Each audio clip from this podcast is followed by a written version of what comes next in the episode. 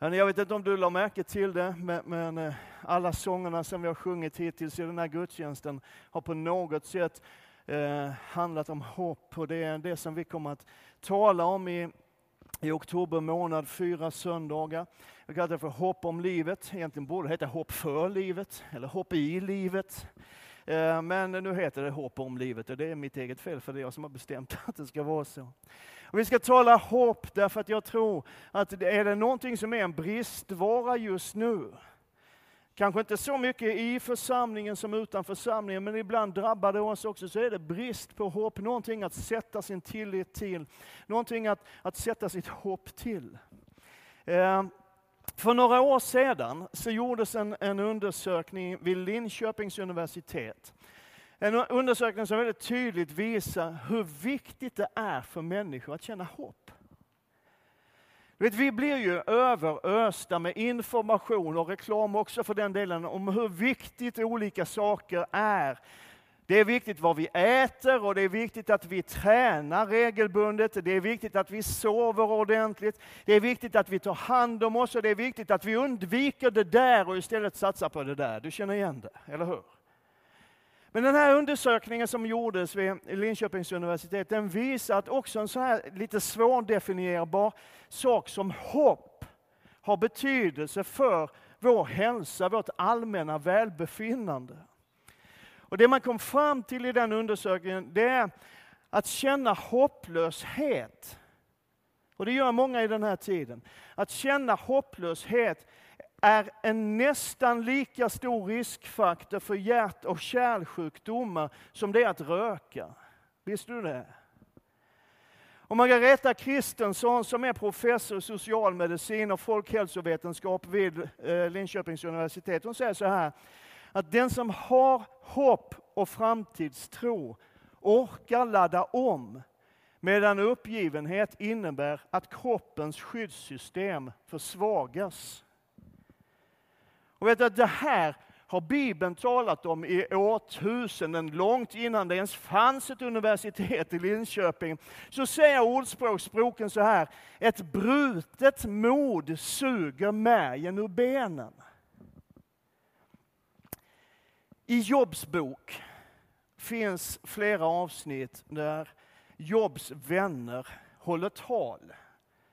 Och prata liksom till, till Jobb. Jag ska inte gå in så mycket på jobbsituationen. Om du inte känner till honom så var det en man som hade allting. Han hade det jättebra på alla sätt och vis. Han var rätt så välbeställd. Han hade en fin familj. Han hade stora eh, boskapsjordar, han hade stora ägor, tack så mycket. Ja, han, han hade liksom allt och sen så börjar han att förlora. Grej efter grej försvinner ur hans liv. Och till slut så har han ingenting kvar och han är själv ganska sjuk och plågad och han har det jättejobbigt. Och så, så talar hans vänner och hans vänner säger en massa smörja. För det mesta är det de säger ren smörja. Men, men eh, det finns ett och annat guldkorn i vad de säger också. Ibland så hittar även en blind höna ett korn, eller hur? Ehm, och Gud upprättade så småningom Jobb. Han fick tillbaka mer än vad han någonsin hade haft och fick ett bättre liv än vad han någonsin tidigare hade haft. Men det är inte poängen här. Utan i det åttonde kapitlet så talar Jobs vän Bildad. Eh, han har ett, ett eget studieförbund i Sverige. Nej. Han talar egentligen om allt som är fel i den här världen. Eh, och i det talet så finns en mening som på många sätt summerar, liksom, vad är det som är fel i den här världen? Och bildad från Sua, han säger så här, jag läser från levande bibeln ett ögonblick nu. Den som glömmer bort Gud har inte något hopp. Eller om du föredrar folkbibeln, den gudlöses hopp kan inte bestå. Den som glömmer bort Gud har inte något hopp.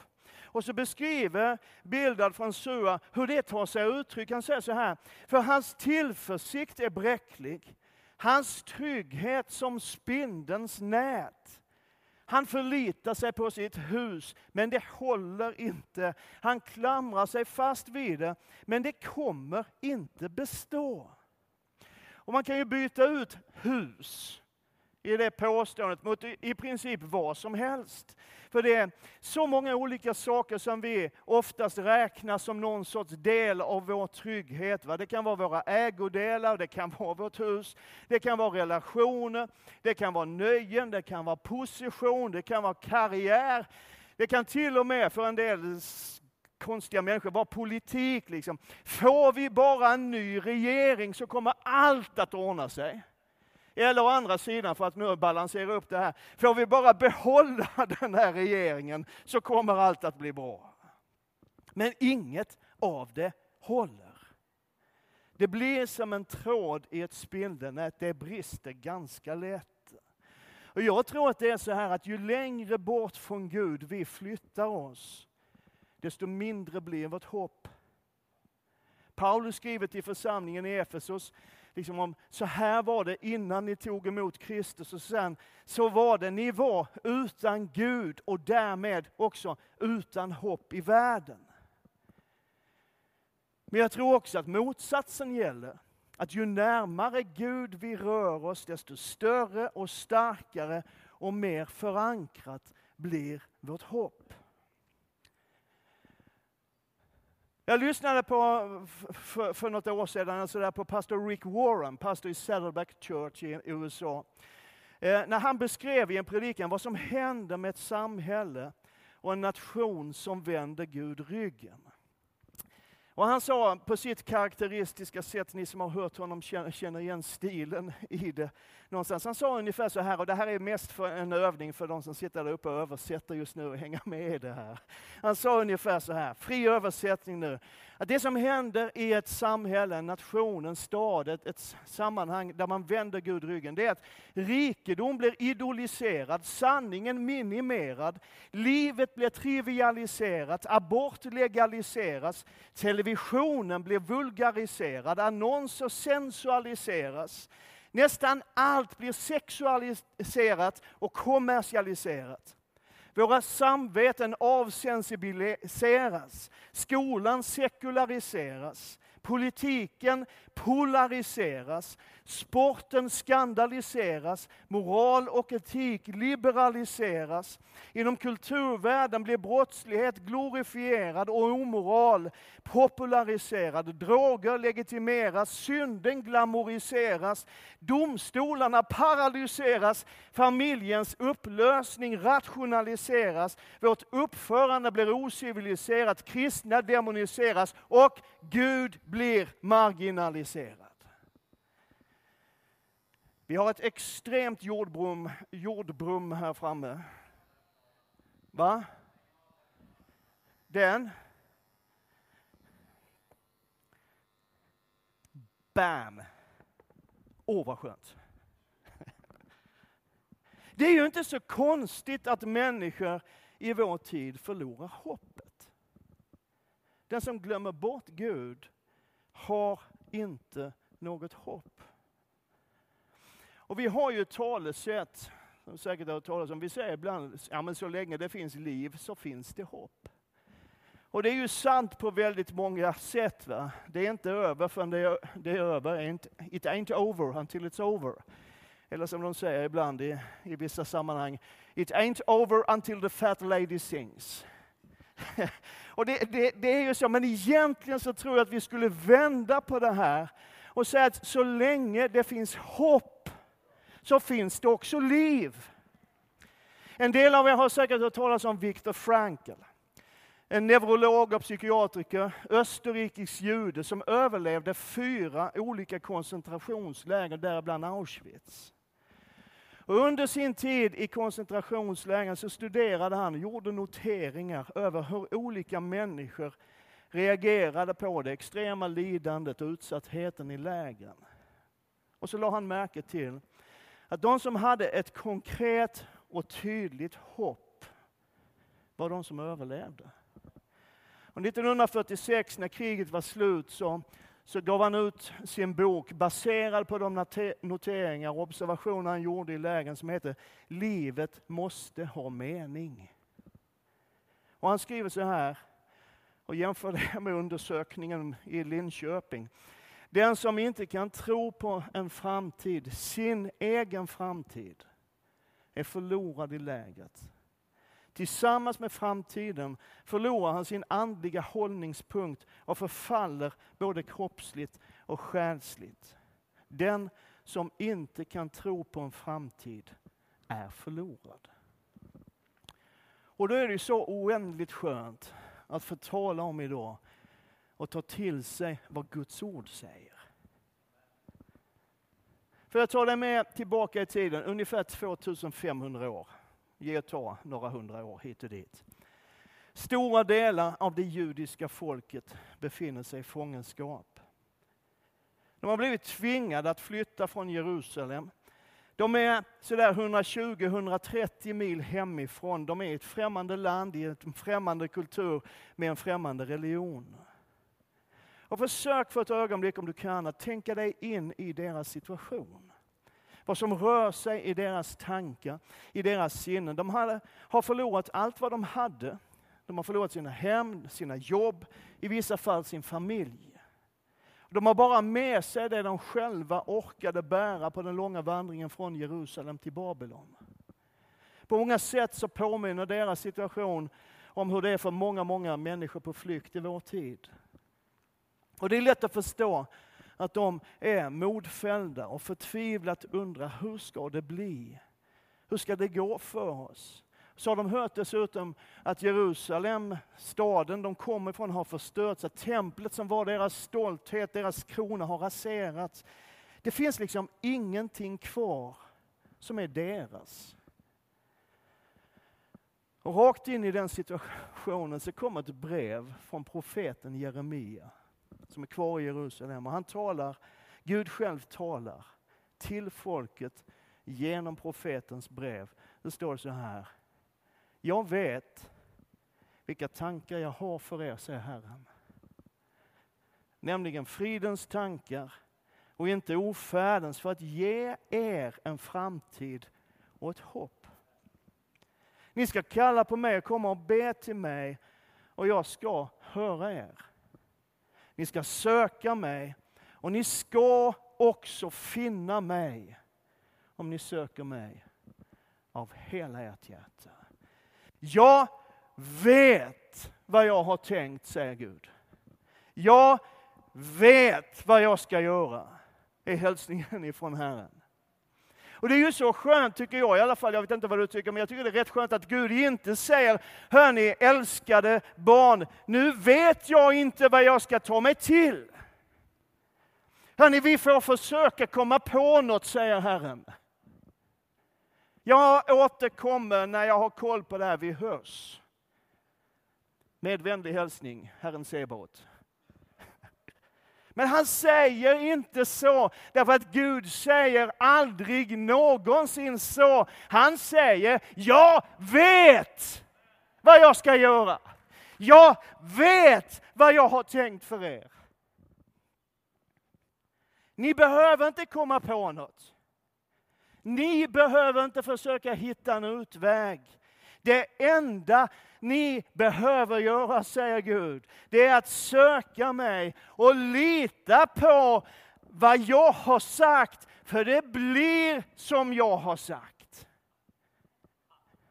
Och de orden har jag upplevt väldigt tydligt i min förberedelse och upplever väldigt tydligt just nu. Tala Gud rakt in i ditt hjärta, rakt in i din situation just nu. Jag vet, säger Gud, vad jag har tänkt för dig. Jag kommer att ge dig en framtid. Jag är ditt hopp.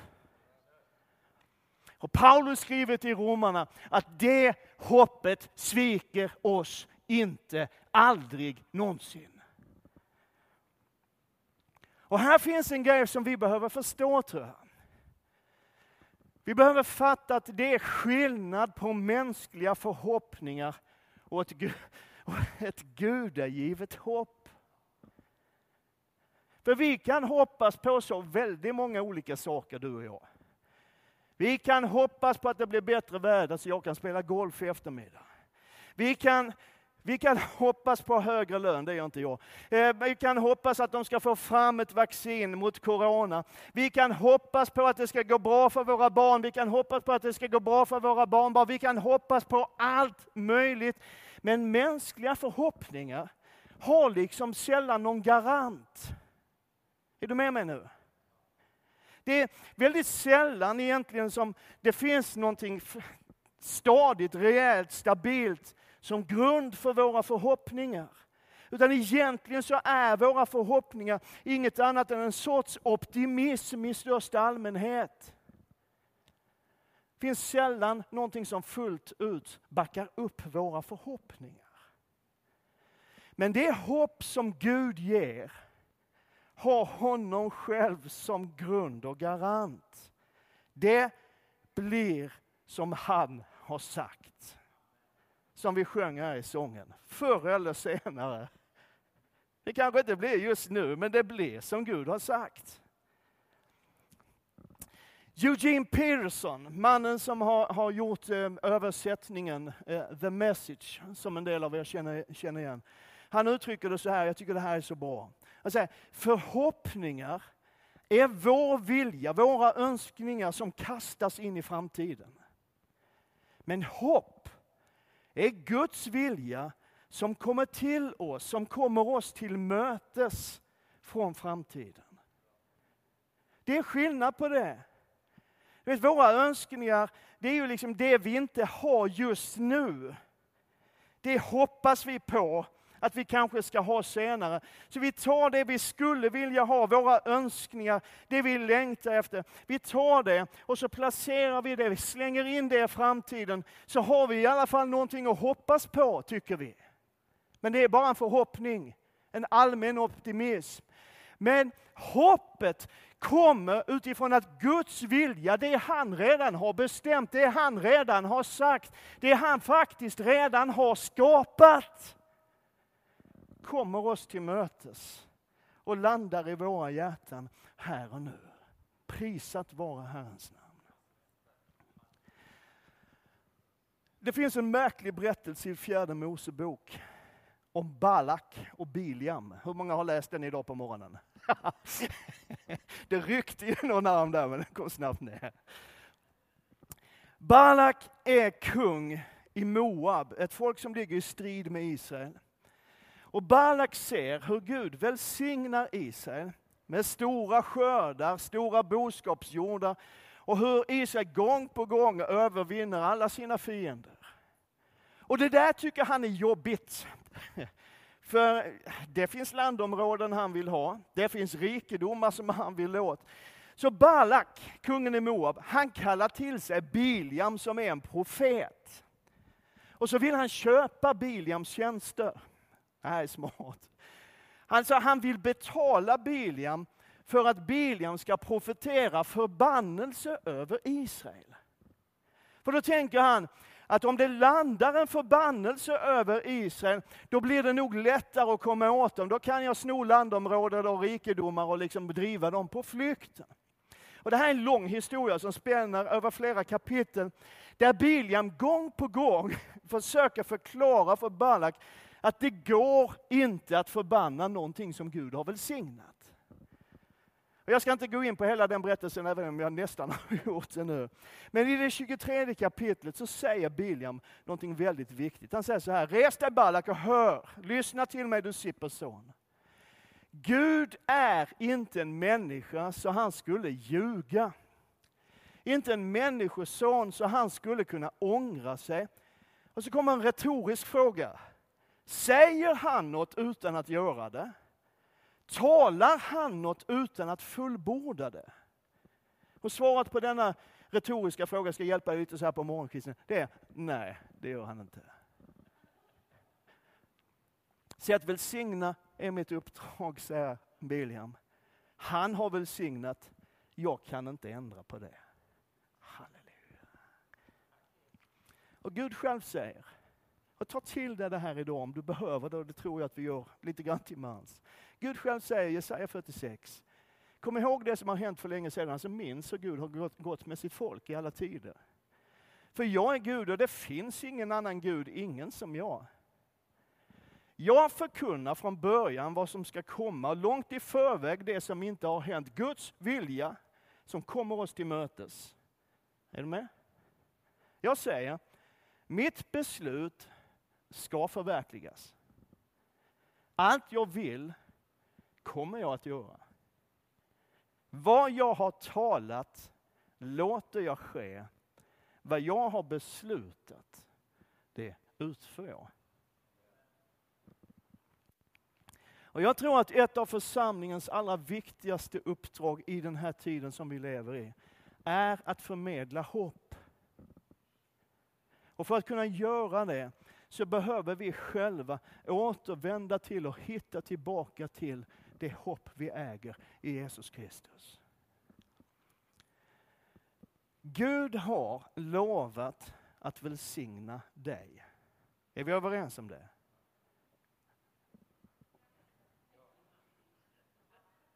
Är vi överens om det? Ja, tack. Han har lovat att alltid vara med dig.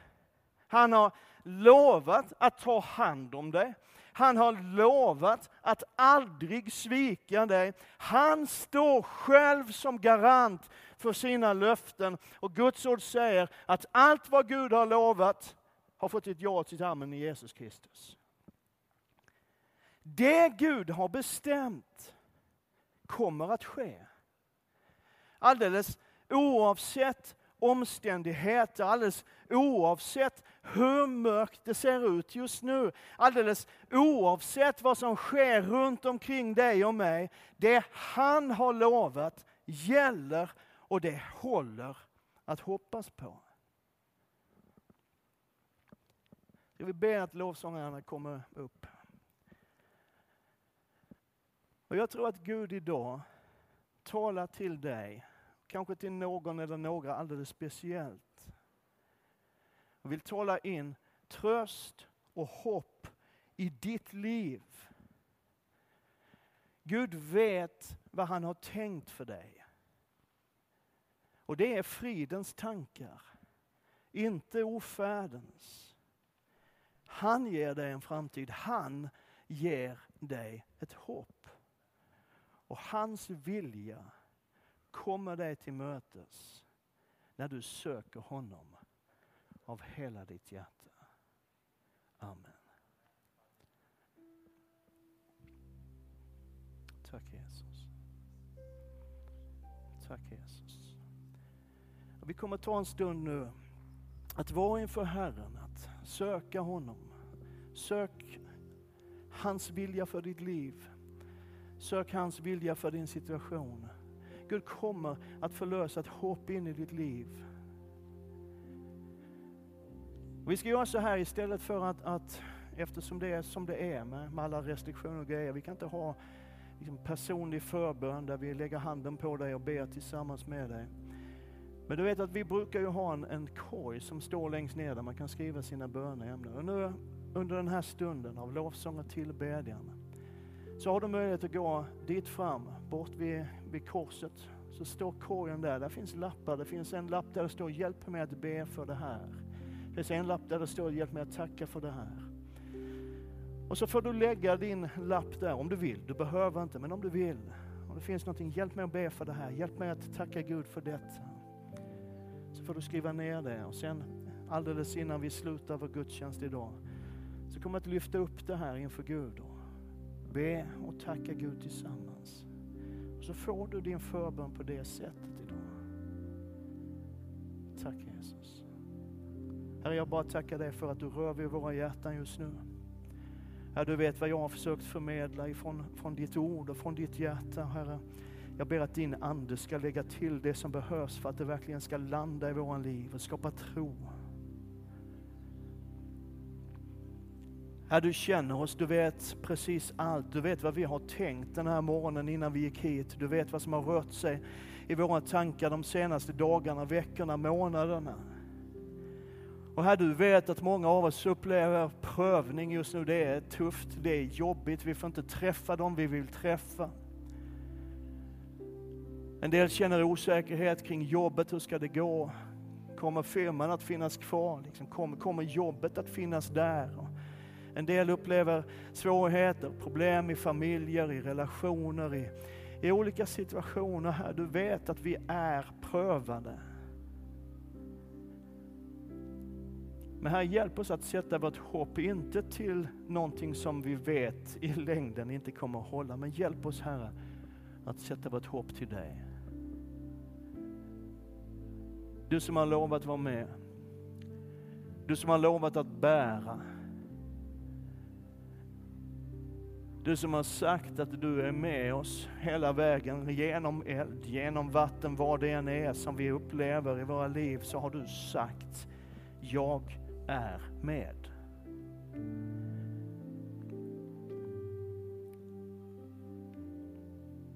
Jag ber speciellt för den eller de som upplever att, att hoppets låga, den börjar flämta betänkligt. Det ryker, det, det är knappt att det är en låga längre. Här, nu ber jag att din heligande ska blåsa liv i hoppets låga, i hoppets blick, i trons övertygelse om att du är den du säger att du är. Och allt vad du har sagt kommer att ske. Amen, amen.